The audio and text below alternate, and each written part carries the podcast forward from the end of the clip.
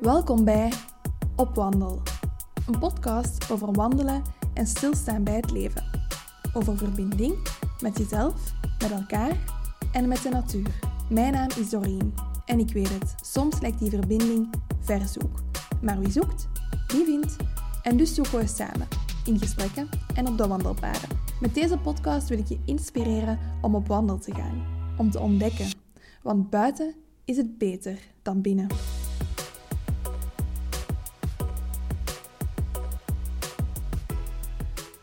Ga ik op wandel met niemand minder dan Arne Lano. En misschien ken je hem wel, want Arne is docent in Opwandel Academy. Hij geeft daar de cursus routes kiezen en plannen, want voor hem is 80% van een trektocht de voorbereiding en ook vooral de voorpret. Hij geniet echt van al dat plannen en uitzoeken en regelen op voorhand. Maar je kent hem misschien ook omdat hij vorig jaar helemaal alleen de GR5 heeft gewandeld. Drie maanden lang was hij alleen met zichzelf op het wandelpad, aan het wandelen van de hoek van Holland tot in Nice in Frankrijk. En over dat avontuur gaan we het vandaag hebben. We wandelen over het strand van Oostende. We wandelen ook vlak aan de zee, dus je zal wat geruis en, en wat wind en wat golven horen op de achtergrond. En ik had kunnen bedenken dat dat misschien niet zo aangenaam was om naar te luisteren, maar anderzijds is het ook wel weer de charme van de natuur. Dus ik zou zeggen, embrace the white noise, uh, embrace het geluid van de golven en de wind en wandel gezellig met ons mee aan zee. Dag Arne. Hey, dag Doreen. Hoe gaat ie? Ja, goed. Ik Ja? ben blij eh, om hier te zijn en om de zee te wandelen. Ja, we wandelen echt aan het strand. Ja. Dus eh, de mensen gaan wat wind en golven horen en Ja. wat geruis. En ik, ben, eh, ik voel me eigenlijk wel vrij... allee, ik besef dat niet altijd, maar ik kan hier elke dag komen wandelen. En ik vind dat eigenlijk altijd mooi. Omdat dat... De zee is elke dag anders en ik denk niet dat je dat op heel veel andere plaatsen hebt of zo. Dat het elke dag compleet anders is. En hoe bedoelt je compleet anders? Wel, ehm, de manier waarop dat strand is, allee, tot waar het water komt, eh, hoe dat, eh, ja, het klinkt een beetje cliché en een beetje poëtisch, maar hoe dat, hoe dat de golven zijn, hoe dat de weersomstandigheden zijn. En dat heeft allemaal een effect op het strand en op de zee. En geen enkele strandwandeling is hetzelfde. Ja, dat is Ja. waar. En de mensen zijn ook anders die dat Ja. je tegenkomt. Ja. Ja. Ja. Want eh, ja, jij woont in Oostende. Ja. Dus komt je dan elke dag wandelen? Of? Ehm, niet elke dag, maar toch bijna elke dag. Eh, ik heb een grote hond die hier ook naast ons woont. eh, woont die, hier ook naast ons wandelt. En die verdient wel een grote wandeling elke dag. En aangezien dat we op 5 minuten van het strand wonen, is het ook logisch om naar hier te komen. Ja, Dus eh, ja, zo goed als elke dag. zalig hè? Ja, absoluut. Word je daar rustig van, van de zee? Ja. Ja, ik heb eigenlijk voor het overige niet echt heel veel met water. Wat dat op zich wel spijtig is, want moest ik bijvoorbeeld eh, surfen of zo, dan zou ik mijn hobby net iets dichter bij huis kunnen uitvoeren. Ja. Helaas ga ik heel graag naar de berg. Maar ik weet niet, ja, de zee heeft zo'n bepaalde kant en, en, en rust, wat dat de bergen eigenlijk op hun eigen manier ook hebben. Ja, En maar het is anders. Ja, Ja. Het is een ander element of ja, ja, zo. het is een ander element, maar je kunt hier gewoon uren wandelen en dat zou ook nooit tegensteken. Ja, echt je, je hoofd leegmaken. Ja, absoluut. Je bent docent in Opwandel Academy. Ja. Ehm, ik heb u natuurlijk gevraagd om daar een, een, een cursus te geven over routes kiezen en plannen. Ja. Omdat je ook hiker bent. Ja. Oh, Lucas. Ehm, vertel eens, van waar komt die passie bij u? En ja, hoe, hoe is dat gekomen dat je eigenlijk zo'n grote liefde hebt voor de bergen en voor wandelen? Ehm, toen ik klein was, ging ik met mijn mama altijd jaarlijks naar de bergen. En wij deden dan wat dat heel veel gezinnen doen. Je neemt de kabelbaan, je wandelt naar de berghut, je eet een stukje paard en je gaat via exact hetzelfde pad terug naar de vallei. Ja, En ik vroeg mij altijd af, ja maar wat is er eigenlijk verder? ja, Want het pad liep verder, maar ik liep niet verder. En dan ben ik dat zo wat vergeten. Puberteit sloeg toe, ik was met heel andere dingen bezig. En dankzij mensen, vrienden van mij in het hoger onderwijs, die zeiden van, ah maar gaan we niet zo eens een paar dagen gaan stappen in Dardenne? En van het een kwam het ander. Plotseling was ik op mijn eentje aan het wandelen in de Vogezen. Het jaar erop ging ik op mijn eentje wandelen in de, in de Alpen. En dat heeft me zo al naar heel veel mooie plekken gebracht. Ehm, en ik ben daar gewoon heel graag. Ik wandel heel graag, maar ik ben bovenal gewoon heel graag buiten. Ja. En ik denk niet dat je op een mooiere manier buiten kan zijn dan op je eentje met alles op je rug. En gewoon wandelen. De ene voet voor de ander. Ik vind dat, ik vind dat, ja, ik vind dat heel mooi. ja, dat is Heel simpel. Hè? Dat is Ja. een beetje een overlevering aan wat is of zo. Ja, ehm, overlevering aan wat is. En ik weet dat ik dat in het tussen haakjes gewone leven eigenlijk niet zo goed kan. Ik heb heel graag alles onder controle. En als ik, als ik wandel, ehm, en vooral als ik meerdaagse wandeling doe, dan heb je niet alles onder controle. Je hebt geen invloed op het weer. Ehm, er zijn heel veel zaken die je wel onder controle hebt. Je materiaal, je eten. Ja, er kan altijd van alles gebeuren. En dat zo kunnen laten, of beter, dat leren loslaten, dat vind ik wel, vind ik wel heel tof en leerrijk.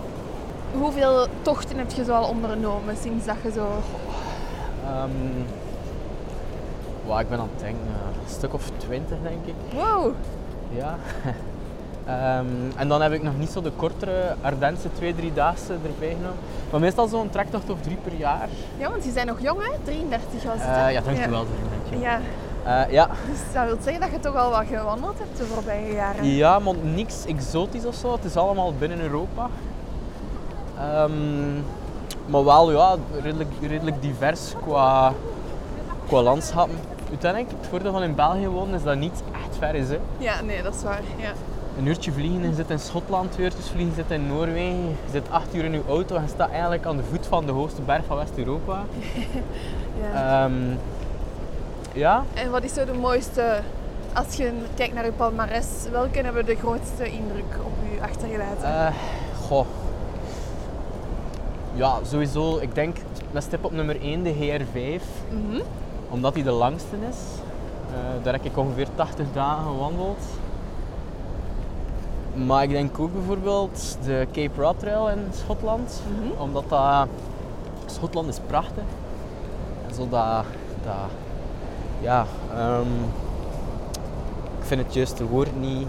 Dat desolate, Ja. dat afgelegen. En ik was er ook heel zelfredzaam, omdat er is er niets in Schotland. En de GR5 passeer je uiteindelijk heel veel langs de bewoonde wereld.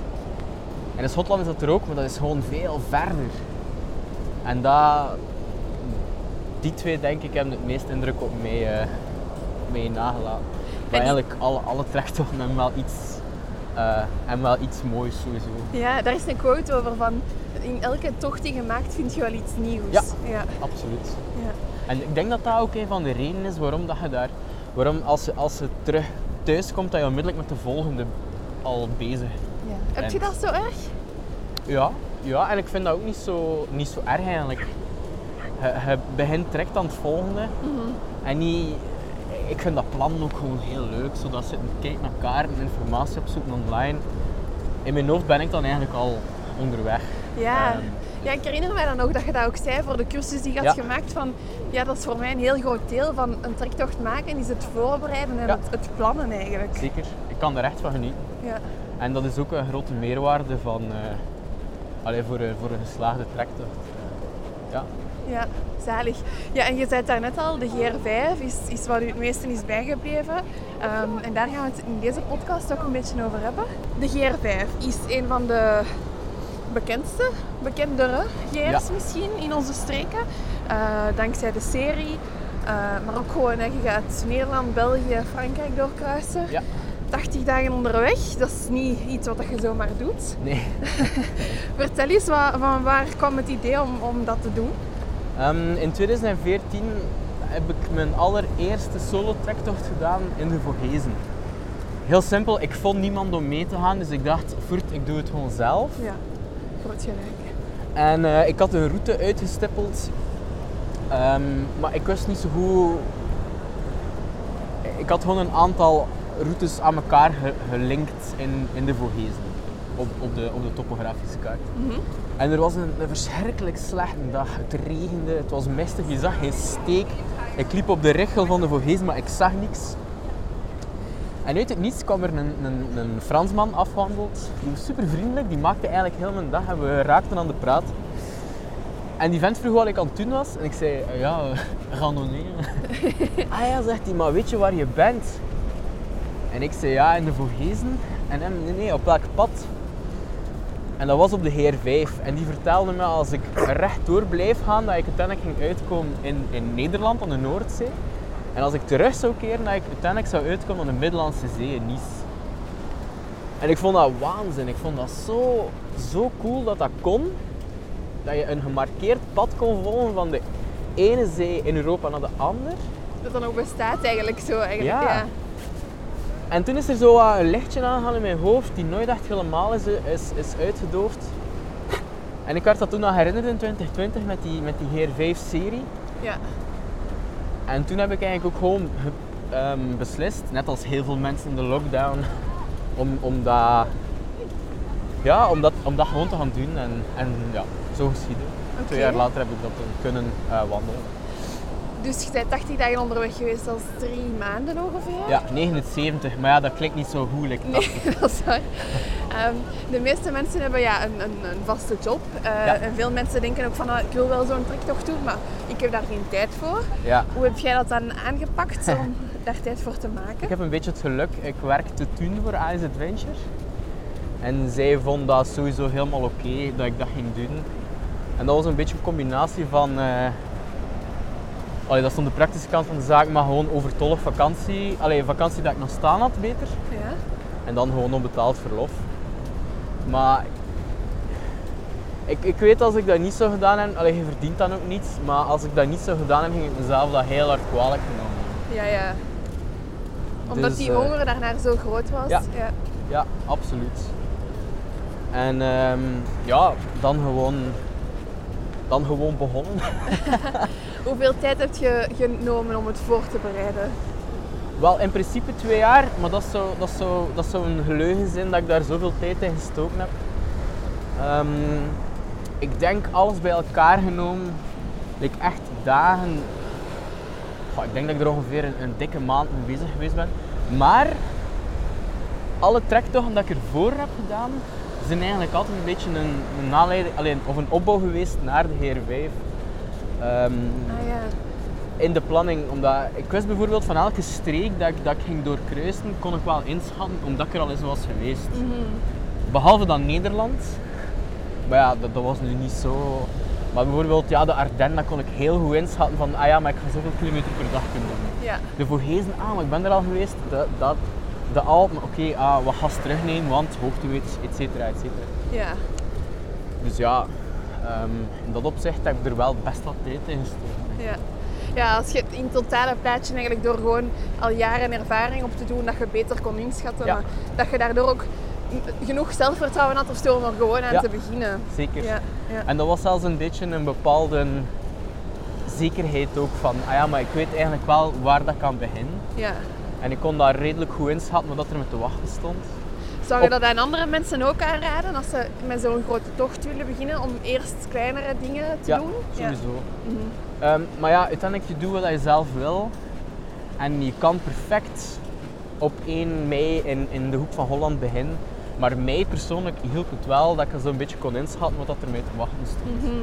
Maar er zijn elk jaar tientallen, honderden mensen die de Pacific Crest Trail starten in de VS. En die eigenlijk nog nooit een lange gedaan hebben. Ja, ja, En die er ook geraken. tuurlijk. Maar er zijn er ook veel die eraan beginnen en die er niet geraken. Dus Mhm.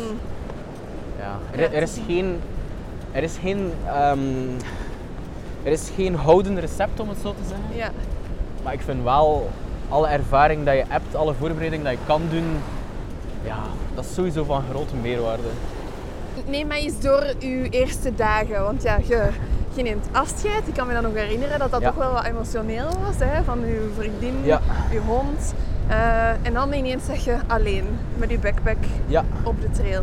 Ehm, je start eigenlijk op een zeer onidyllische plaats. Eh, de hoek van Holland ligt aan de Noordzee, maar is eigenlijk een verlengde van de haven van Rotterdam. Dus zeer veel industrie, Ja.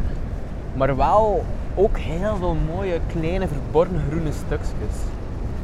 Ehm, maar ik probeerde zo weinig mogelijk te denken aan de schaal van, van, van de wandeling. Mhm. Omdat ik merkte, als ik daar aan dacht van, ah ja, maar ik ben op weg naar Nice, dan zonk me de moed letterlijk in de schoen. Ja, want dan weet je, het is nog heel ver. Ja, het is nog super ver. Het is Ja. meer dan 2000 kilometer.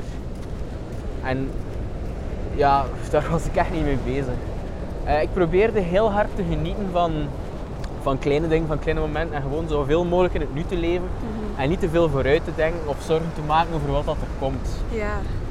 Ehm, en ik weet nog, de eerste dag was ik de hoek van Holland uitgewandeld en liep ik doorheen, een asfaltweg, maar liep ik doorheen ehm, aan de ene kant een gigantische weide vol tulpen en dan aan de andere kant, ja ik weet niet, dat was niet echt de Noordzee, maar zo dat verlengde.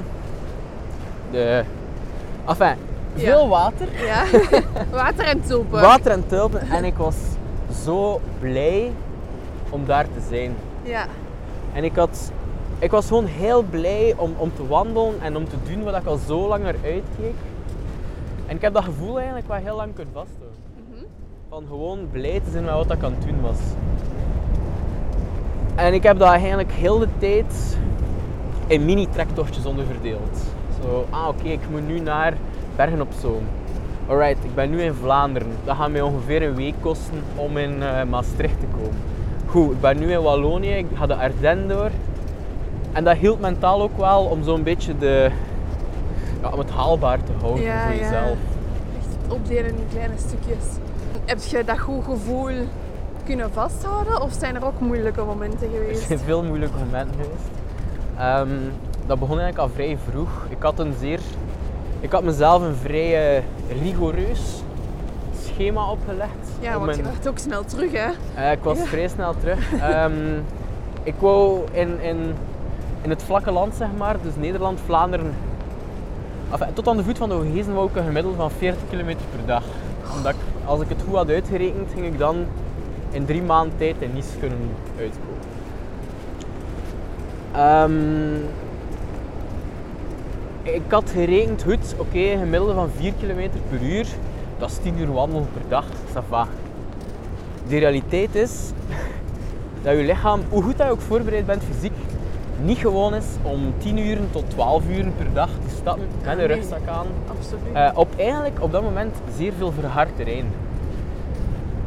Eh, en op dag 3 kreeg ik heel veel pijn in mijn linkerscheen.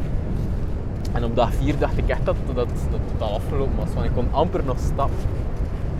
Maar dankzij een zeer lieve apotheker in Diest, ehm, ibuprofen en eh, ook heel veel geluk, want dat kon ook, allee, wat ik toen gedaan heb, zou ik aan niemand nagedaan hebben.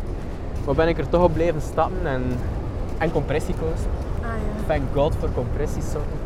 En je bent die 40 per dag blijven volhouden? Ja. Of echt? Ja. En die apothekeres had ook niet gezegd van misschien moet je wel Die apothekeres zei van dat dat eigenlijk een slecht idee was, maar dat ze het wel begreep.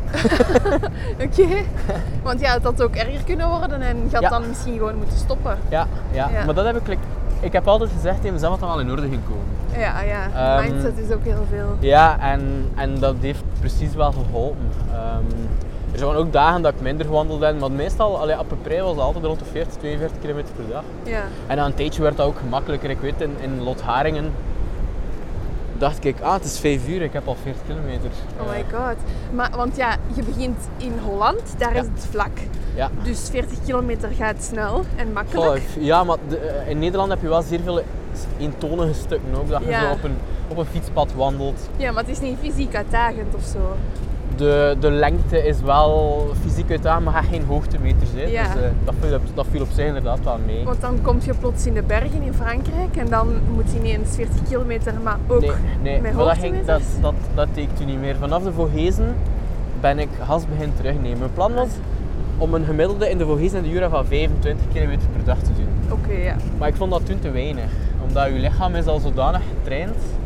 En 25 kilometer was ik vaak al klaar, zo 2, 3 uur in de namiddag. En toen ben ik beginnen doorstappen. Wat dat, wat dat ging. Ik voelde me zeer goed en mijn lichaam was ook heel goed. Ja. Maar in de Vogezen en de Jura moet je niet meer denken in, in zuivere kilometers, maar ook in hoogtemeters. En in de Alpen was het enkel nog maar hoogtemeters. En ik denk, voor mij toen haalbaar was, wauw, tussen de 1500 en 2000 hoogtemeters per dag. Dat wat veel is, hè, Arne? dat, is, dat is veel, ja. Voor, voor, voor de meeste mensen zou ik aanraden tussen rond de 1000 per dag. Ja. Dat dat zo wat, dat dat zo wat voldoende is. Maar ja, je bent natuurlijk ook wel... Wandelt elke dag. Hè. Ik heb drie of vier rustdagen genomen. Dat is echt niet Ik wist ook niet wat ik moest doen op een rustdag. Je verveelde nu dan. Wat ja. vervelen, niet echt, maar ik wou vooruit, ik wou verder. En, Ja. ehm, ja. Hoe heb je dat mentaal beleefd? Want ja, fysiek is duidelijk. Je hebt een goede, een goede fysiek, dat ging allemaal wel. Maar ja, wat doet dat mentaal met iemand? Ehm, je hebt heel veel tijd om na te denken. Hè. En je hebt ook heel veel tijd om bepaalde zaken te evalueren of zo. In je, in uw, in uw, in uw leven. Eh, en de filosoof in mij kwam altijd wel naar boven op zo'n op zo'n moment. Maar ik, ik voelde mij altijd heel gelukkig. Ik voelde me ook altijd heel geprivilegeerd, omdat ja, niet iedereen kan dat doen. Je hebt er wel bepaalde zaken voor nodig en bepaalde mensen die je dat gunnen. Dus ik, ik, ik was ook heel dankbaar om daar te zijn. Maar ja, ik denk dat ik het, het moeilijkst had op de momenten dat ik eigenlijk bezoek had gekregen van mensen dat ik heel graag zag. Eh, als die terug wegging, was dat altijd heel zwaar.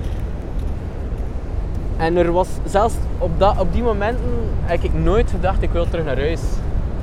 Maar waar je wel gewoon triest omdat je terug alleen was. Ja. En ik ben heel graag alleen, ik vind dat echt niet erg. Maar ik had altijd wel een paar dagen nodig om mezelf weer terug over te zetten. Had je achteraf gezien liever gehad dat er niemand op bezoek kwam? Nee, Nee? nee. Nee, nee, ik vond dat fantastisch, die bezoekjes. En dat, dat is tegelijkertijd ook een gigantische mentale boost. Hè. Ja. Ik weet nog dat ik eh, de dag dat, ik- dat mijn hond en mijn vrouw afkwamen, dat ik om 4 uur ben opgestaan om, om 36 kilometer te doen en dat ik zeker smiddags bij hun ging zijn. Oh, Eh. die... dat is weer zo die want het is gelijk een snoepje Ja. dat zo op je ligt Ja. te wachten. Zo. Ja, en zo voelde dat ook. Ja, ja. Eh, en zo de... ehm, Ja, uw, uw vrouw zien is leuk, maar die hond, die, die- ja, die weet dat niet. Nee. En ja. die was zo extatisch content van mij te zien op een plaats dat ik dat totaal niet verwachtte. Ja, dat, is wel, eh, dat, is, dat was wel echt heel cool. Zeg, en heb je leuke mensen ontmoet op de trail? Want ja, Ja. dat, is- dat lijkt mij ook wel iets dat je zo... Minder dan dat ik hoopte. Ehm, in Europa hebben we geen trail community, wat dat je bijvoorbeeld in Amerika, in de Verenigde Staten dan, op een PCT of een Appalachian Trail, heb je dat wel. En wat moeten mensen die dat niet kennen daarover je- verstaan? Eigenlijk een, een trail community of een trail family is een groep van mensen die samen stappen.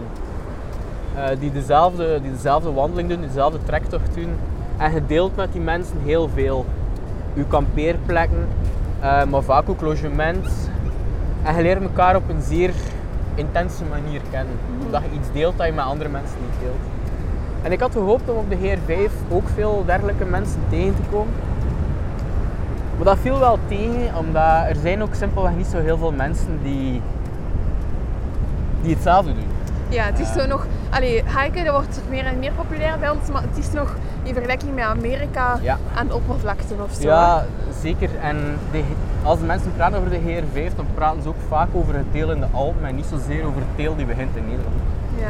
Maar eh, ik had vrij vroeg in Luxemburg Laurens ontmoet, die vanuit het Pieterpad, allee, die eerst het Pieterpad had gedaan en dan via de GR5 op weg was naar Nice. En oh, dat was fantastisch. Dat was een zeer interessante, super toffe gast. We hebben heel veel geleerd van elkaar. En we hebben zo'n paar dagen samengewandeld tot in Metz. En dan heb ik hem eigenlijk niet meer gezien tot in Lyon Ja, ja. aan het meer van Genève. En dan hebben wij zo de één, eerste week van de Alpen samengewandeld. En als ik, ehm, als je mij zou vragen wat dat mijn favoriete periode of momenten waren tijdens de GR5, was dat wel altijd als ik met iemand kon wandelen. Ah ja, toch? Toch wel. Zo, de eerste twee weken in de Alpen waren voor mij extra magisch, omdat de eerste week wandelde ik met, met Laurens. Ehm, en toen in Chamonix is mijn beste vriend afgekomen. Hebben wij dan ook een kleine week samen gewandeld. Daarna kwam Steffi, mijn vrouw. En eigenlijk is dat zo'n beetje de highlight. Eh, de, de Into the Wild quote klopt ook wel. Of zo. Wat is de quote? Eh, ehm, Heb- happiness is only real when shared. Shared. Ah ja, ja. Ehm, en pas op, ik heb heel veel super mooie momenten gehad, op mijn eentje ook. Dat je zo op een kool staat en dat het muis stil is en dat je denkt, ik ben hier toch maar. Hè. Zalig. Maar ja. ehm, als ik zo terugdenk aan de GR5, is dat zo altijd de eerste herinnering die mij te binnen schiet. met de mensen. Met, Dus met andere De mensen maken de trail ook een beetje dan, Ja. hoor ik u zeggen. Ja. ja. Sowieso. Ik heb anders ook heel veel leuke ontmoetingen gehad. Mensen die langs het pad wonen, die u binnenroepen, die u koffie geven, die u eten geven. Eh, ook een heel mooi verhaal. Het was... Ik had iemand leren kennen, een Belg, Guillaume, een Brusselaar. Guillaume, als je luistert, dankjewel. Ehm en het, was, het, was, het, zag er, het, het weer zag er zeer slecht uit. En ik heb, ik heb niet verschrikkelijk veel lef om dingen te vragen aan mensen. Ik heb daardoor denk ik ook wel wat mislopen, omdat ik vaak nogal denk ik zal het zelf al oplossen. Ah ja, oké. Maar Guillaume die zat helemaal anders in elkaar en die dacht, ah ja, slecht weer. Ik ga eens vragen aan die mevrouw of ze geen plaats heeft of een plekje kent om onze tent op te zetten. En eh, ja, die vraagt dat en die mevrouw zei, maar je gaat toch niet buiten slapen in dit weer? En ze had zo'n Airbnb en wij hadden dan eigenlijk in haar, ja, op haar zolder mogen slapen. Ze had een jacuzzi, ze had een zwembad, wij mochten er allemaal in. Oeh, Hij zo ons- zie je maar, hè? Ja. ja. Ehm, een paar dagen later toen ook eh, een vrouw die mij zag, die zei, maar jongen, in het Frans weliswaar, moet jij geen koffie hebben? ja, Graag. terwijl dat mijn eerste instinct dan ook weer was, non non, ça va, eh, Ja, ja, marche. Dat is misschien zo de, de, de West-Vlamingen mee. Maar ehm, Gewoon niemand ten laste zijn. ja, niemand een last te zijn. Ja, Ja. inderdaad. Ja. En al, alles, allee, al de mooiste herinneringen kan je wel iedere keer terugbrengen naar andere mensen. ja, dat is wel bijzonder. Ja, zeker. Ja. Ik denk anderzijds ook weer dat iedereen dat anders ervaart. Ja, Want ik ben iemand die, die de mooiste momenten het ervaart in de natuur of zo. Als er zo een bepaalde sfeer of een, of een uitzicht of zo, dan heb ik zo die momenten. Dus ik Ja? denk dat dat weer zo voor iedereen een Maar ik heb dat ook hoor. Maar daarvan had ik er zoveel ook. En de ervaring met mensen die waren eigenlijk voor mij wat zeldzamer Ja. en wat unieker. Eh, want ik heb elke dag was ik aan het baden in de natuur. Letterlijk. Mhm. Eh, bijvoorbeeld de geur van naaldwoud. Fantastisch. Ik kon daar zielsgelukkig van worden. Ja. Ehm, de, ja, zo nat, de, de, de vochtigheid van zo een, een nat bos 's morgens vroeg. ja, dat is echt... Ehm, het, als je wakker wordt in je tent, hoog in de bergen en je hoort niets. Je steekt je hoofd uit je tent en, tijdens, en een marmot staat daar en die kijkt naar je van... Wat is dat hier? en die begint dan zo zijn typische marmotkreet te maken. Ja. Fantastisch. Hoe was het voor je dan om terug te komen? Want ja, drie maanden wellness eigenlijk. en dan weer back to reality. Goed. Ehm, ik heb geen last gehad van post-trail blues. Oké. Dat is iets wat dat vaak terugkomt bij lange afstandswandelaars, omdat ze dan terug geconfronteerd worden met tussen haakjes de echte wereld. Ja. Ehm, maar ik had heel veel geluk, omdat enerzijds, ik was, ik was klaar, letterlijk. Ja. Ik had het afgelopen, je, je staat aan de Middellandse Zee, je kunt ook niet verder. Allee, je Dat is kunt- eigenlijk wel inderdaad. Ja, Het stopt het gewoon. stopt Ja. letterlijk aan de zee. Eh, en anderzijds had ik heel wat leuke vooruitzichten. In het vooruitzicht aan de horizon. Eh, ik ben getrouwd een kleine maand na de, na, de, na de tocht. Ik had een nieuwe job als leerkracht in het tweede leerjaar. Het was een beetje een overgangstrektocht of zo voor u. Ja, misschien wel, maar ik heb dat eigenlijk nooit zo beschouwd. Ja. Eh, op zich zou je wel kunnen zeggen dat het een mooie afsluiter was van mijn, van mijn, van mijn carrière bij AS Adventure. En een heel fitting eh afsluit ook. Tuurlijk, ja, absoluut. Maar ehm, net omdat er zoveel eh, dingen me nog te wachten stonden in België, vond ik het ook helemaal niet zo erg om terug naar huis te keren. Mhm. Ja. Eh, Integendeel, ik keek er ook naar uit. Maar zelfs die laatste dag heb ik zo intens beleefd. Ehm, je ziet heel de tijd die Middellandse Zee. En ik heb dan echt van elke stap genoten. Totdat je, totdat je ja, in het zand staat. ja. Amai, Ja. zalig. En hoe fier bent je nu op jezelf? Ehm, elke dag wat meer. Omdat op het moment zelf sta je daar niet echt bij stil. Je staat daar en je denkt, ah ja, dit was het dan. Hè. Ehm, en het is maar pas als je thuis komt en begint door je duizenden foto's te kijken. Dus eh, dat ze zo op de kaart begint te kijken en dat je denkt van, ah ja, maar juist, maar dat heb ik echt gewandeld. Ehm, dus ik denk dat ik wel trots ben op mezelf dat ik dat gedaan heb. Eh, Kijk je er nostalgisch op terug? al een beetje. Ja? ik betrap mezelf er wel op dat ik zo eh, af en toe zo eh, naar mijn Instagram stories zit te kijken, zo de highlights. En dat ik denk, allee, dat was toch tof hè? Eh, Maar je zou het geen tweede keer opnieuw doen, hè? Want dat, we hebben daar straks al een beetje gebabbeld en dan vertelde je dat. Op dit moment niet, nee. Zeg nooit nooit, want ja, je verandert als mens. Dus ik ben benieuwd hoe dat ik dat zou, hoe dat ik dat zou ervaren als ik nog een keer eens tien jaar ouder ben. Maar voor alle Ehm. duidelijkheid, je zou wel nog eens een tocht doen, maar niet nog eens opnieuw de GR5 direct. Niet onmiddellijk de GR5. Ehm, ik denk dat ik nu klaar ben voor iets, eh, voor iets wat iets meer wildernis of zo. Want de GR5 is al bij al een vrij veilige tocht. Eh, letterlijk dan. Er kan weinig mislopen. Je zit eigenlijk continu vrij dicht bij de beschaving. Als je veel geld hebt, zou je elke avond in een bed kunnen slapen. Oh ja. Ehm, terwijl als je bijvoorbeeld kijkt naar een, een, een Colorado Trail, een, een, een, eh, is- een eh, John Muir Trail in de VS dan, Ja, ja. die spelen zich echt af in de wildernis, letterlijk. Mhm. En dat... Ah, voilà. Wat is dat? Een zeehond? ja. Oh, maar zie. Ja. Direct zo met die dingetjes daar rond. Dat... Ja, ja, die worden supergoed beschermd en er staat hier ook een steward, Ah, ja. een vrijwilliger eigenlijk, die dat de hele dag in de gaten houdt. Ja, is dus voor de mensen die luisteren, er ligt een zeehond in, op het strand. In een rechthoek van eh, oranje piketjes. Ja, En er staat een steward bij inderdaad. En dat beestje is hier... die heeft hier veel bekijks. ja, en die ligt daar ook vrij op zijn gemak. ik. Ja, die denkt, strandlachje, ja. let's go. Schattig wel. Mooi, mooi, mooi dier. Ja, mooi. Ik kan er nu geen foto Maar het gebeurt eigenlijk dagelijks. Dat er hier liggen? Ja, ja. Ehm, wacht, hè, waar zaten we? Ik weet het niet meer. Eh, nee, Eh, nog ja, wilder- ja. Dat, je, dat je dat eigenlijk miste. Eh, Eh, wat miste niet? Wat, ik vond dat eigenlijk wel leuk.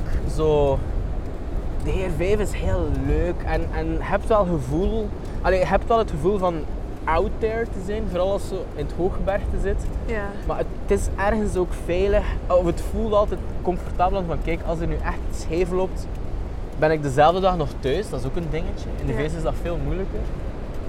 Ehm, maar ik kan ook waar. altijd terug naar de beschaving. En dat vond ik ergens wel veilig. Terwijl dat ik daar een haat-liefde verhouding mee heb. Hè. Ik ben heel graag alleen. Ik ben heel graag ver weg van alles. Maar tegelijkertijd was het ook aangenaam om te beseffen dat het, allee, dat het allemaal niet te ver was. Ja, dat, er- dat ergens ook iets van eindig was of zo. Ja. En dat, het, ja, Ja. dat je die comfortzone toch nog een beetje had. Ja, Ja. een- to- toch een beetje. Ik heb nog wat uitsmijters. Yes. Dus ik ga vragen stellen. En dan moet je gewoon direct zeggen wat het eerste is dat, dat, op u, dat je nu binnenkomt. Oké, Oké. Van al het materiaal dat je mee had, waar vond je het leukste of meest belangrijke item? Eh, mijn rugzak. En waarom? Ehm, alles zit daarin. Letterlijk alles. Eh, ik vond het heel belangrijk dat dat gewoon goed zat, dat ik daar geen probleem mee had. Ehm, want dat is echt super belangrijk. Zonder je rugzak ben je echt niks. Mhm. Ehm, en als dat vervelend is, dan, dan zit je met een groot probleem. En ja, ja, ja, de Ja, rugzak. oké. Zonder twijfel. En wat is het merk van jouw rugzak? Goh, dat, ehm, dat is KS, KS Ultralight. Ehm, dat is... Hoe moet ik dat uitleggen? Eh, dat is eigenlijk één iemand in Japan die rugzakken maakt op maat. Ah ja. Vrij niche, vrij gespecialiseerd. Eh, maar het voordeel is, als je heel hard weet wat dat je wil en nodig hebt in een rugzak, dan, dan, maakt, die, dan maakt die meneer, man, dat voor u. Ik wou ook iets hebben die zeer licht was, omdat ja, hoe, hoe, hoe minder gewicht op je rug, hoe aangenamer de tocht. En dat was echt een, ja, was echt een fantastische. Ja. En eigenlijk zelfs na, na 80 dagen, elke dag te hebben gebruikt, ziet die er nog steeds zo goed als nieuw uit. Amai, kijk goed. Ja. Hoeveel paar schoenen heb je versleten? Eh, drie. Drie paar. Drie paar Salomon Sensorite 4's om precies te zijn. Ja. Ehm, en ik denk dat het ging gelukt zijn met twee ook. Maar het wordt een beetje moeilijk omdat uw, uw schoen slijt ook op plekken dat je niet kan zien. Like, Mhm. uw, uw, uw demping verdwijnt, de, binnen, de binnenzool die begint af te slijten. ja. En je moet wel oppassen, want dat heeft ook, als, u, als uw binnenzool begint kapot te gaan of uw demping verdwijnt, heeft dat ook een negatief effect op je knieën en op je gewricht. Dus ja, je moet er een klein beetje mee oppassen. Ja. Eh, maar ze waren, allee, dat eerste paar was na 1000 kilometer echt op. Ja, ja. Gescheurd, volledig uitgezet, uitgezakt. eh. Wat was uw lievelingsmaaltijd op trail? Ah, ehm ja, ja. ehm eh, tonijn, couscous en fuck, verdorie. Eh, ah, die kaas, uh, comté-kaas. Oh. Oh ja. En Zo gemixt. Ja, ja, allemaal door elkaar en dat dan in een wrap. Oh, fantastisch. Daar werk ik echt oprecht gelukkig van. maar ik, ik heb van heel de tocht misschien drie of vier van die, van die klassieke gevriesdroogde zakjes gegeten. Mhm. En dan ben ik gewoon beginnen ding kopen in de supermarkt en zo op hoop van zegen in mijn pot gesmeten. en, eh, en in de Jura komt thee ontdekt. is lekker. Man, dat is Ja. vreselijk lekker. Ja. Oké, ehm, wacht, hè, dat was maaltijd. Eh, Hoe, wat is het langste aantal dagen dat je bent gegaan zonder douchen? Zonder Douchen. Eh, nou, ik douchte één keer per week, denk ik. Ja. Eh, dus meestal nog rond de zeven dagen. Er was één moment, helemaal op het laatste, toen was het ook echt wel snikheet, dat ik wakker werd en ik liep een berg op en ik kon mezelf echt niet meer ruiken. En eh, die, die laatste douche was nogthans niet zo lang geleden, maar ik dacht echt, ja, nee, nu moet het, Nu moet het. nu moet het echt gebeuren. Uw favoriete liedje dat je luisterde tijdens wandelen? Eh, ja, het waren er een paar. Ehm, maar ik heb, heel, Eentje moet kiezen. ik heb heel veel geluisterd naar Garden Song van Phoebe Bridgers. Eh, dat is een heel troostend nummer. Heel rustig. En dat, ja, dat bracht mij like, ook even naar een andere plaats of zo, als ik daar nood aan had. Eh, heel die plaat is trouwens echt 10 op 10. Muziek gaf soms een meerwaarde, omdat iets soms wat epischer kon worden. Ja. dat like, het equivalent van filmmuziek? Ja, ik herinner me dat je dat vertelde, dat je, dat je ergens aan het wandelen en je waart een liedje aan het luisteren en ineens kwam je in een soort vallei of zo en Ja. dat dat zo, zo extra maakte. En wel, maar ik was aan het luisteren naar, naar eh, een nummer van Deus, Disappointed in the Sun of Give Me the Heat. Enfin, het maakt nu niet meer uit. En ik zag voor de eerste keer de Alpen. Ah ja. En ik werd daar zo emotioneel van. Omdat dat zo, ja, ik zeg het equivalent is van, van zo'n goed nummer op een mooi moment in een film. Ja. En dat gaf wel een meerwaarde. Want een podcast nam mij daar zo soms uit, omdat ik aan het luisteren was naar de podcast en dan niet meer zo aan het kijken was naar mijn omgeving. Je hebt ook heel wat foto's getrokken. Ja. Zou je nu zo kunnen voor de geest halen wat je favoriete foto was en waarom? Oeh, nee. Ehm goh. Eh, Of één beeld dat u keihard is bijgebleven? Ja, dat wel. Ehm, ergens hoog in de Alpen had ik zo'n 10 op 10 kampeerplekje bij een kabbelend meertje uit de wind. En daar heb ik een fantastisch mooie foto genomen met zo'n meertje op de voorgrond. Mijn tent heel hard in de verte en dan zo de zonsondergang. Wauw. Ja, dat was, was een zeer, zeer, zeer mooie plek. En ook wel een heel mooie foto. Ja, zalig. En dan de laatste, de grootste levensles die je uit je GR5-avontuur hebt gehaald. Ja, ehm, ik denk.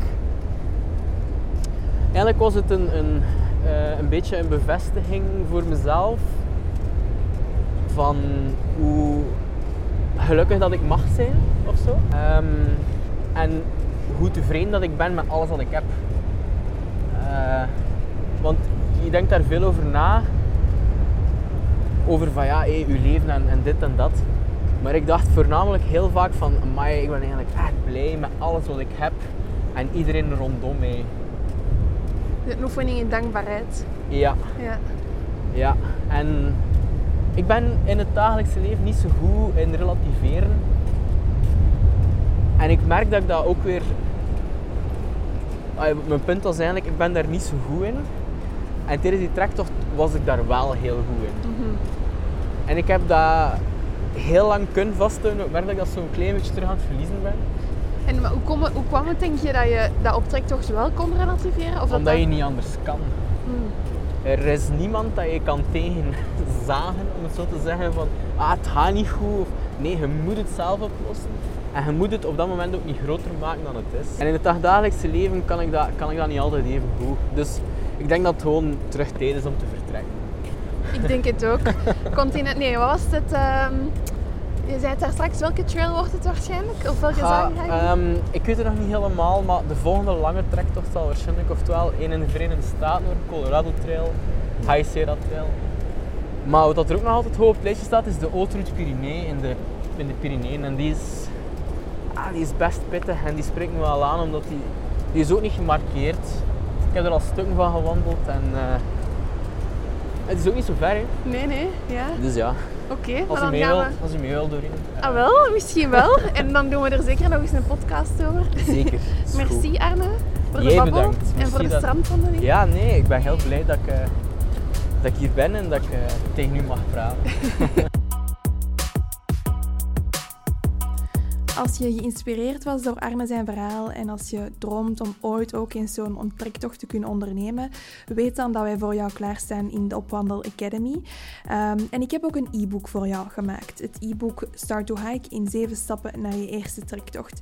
Het is een, eh, een bundeling, 34 pagina's, vol met gratis tips en tricks, waar dat we verschillende elementen van de goede voorbereiding van een trektocht gaan bespreken. En eigenlijk een 7 stappenplan met dingen die je allemaal kan doen heel low-key, laagdrempelig, om eigenlijk jou naar jouw allereerste trektocht ooit te brengen. Dus als je graag dat e-book wil hebben, al die gratis tips wil hebben, rap je dan naar www.opwandelacademy.be. Klik daar van bovenop e-book, laat je e-mailadres achter en dan ontvang je die meteen in je inbox. Happy hiking!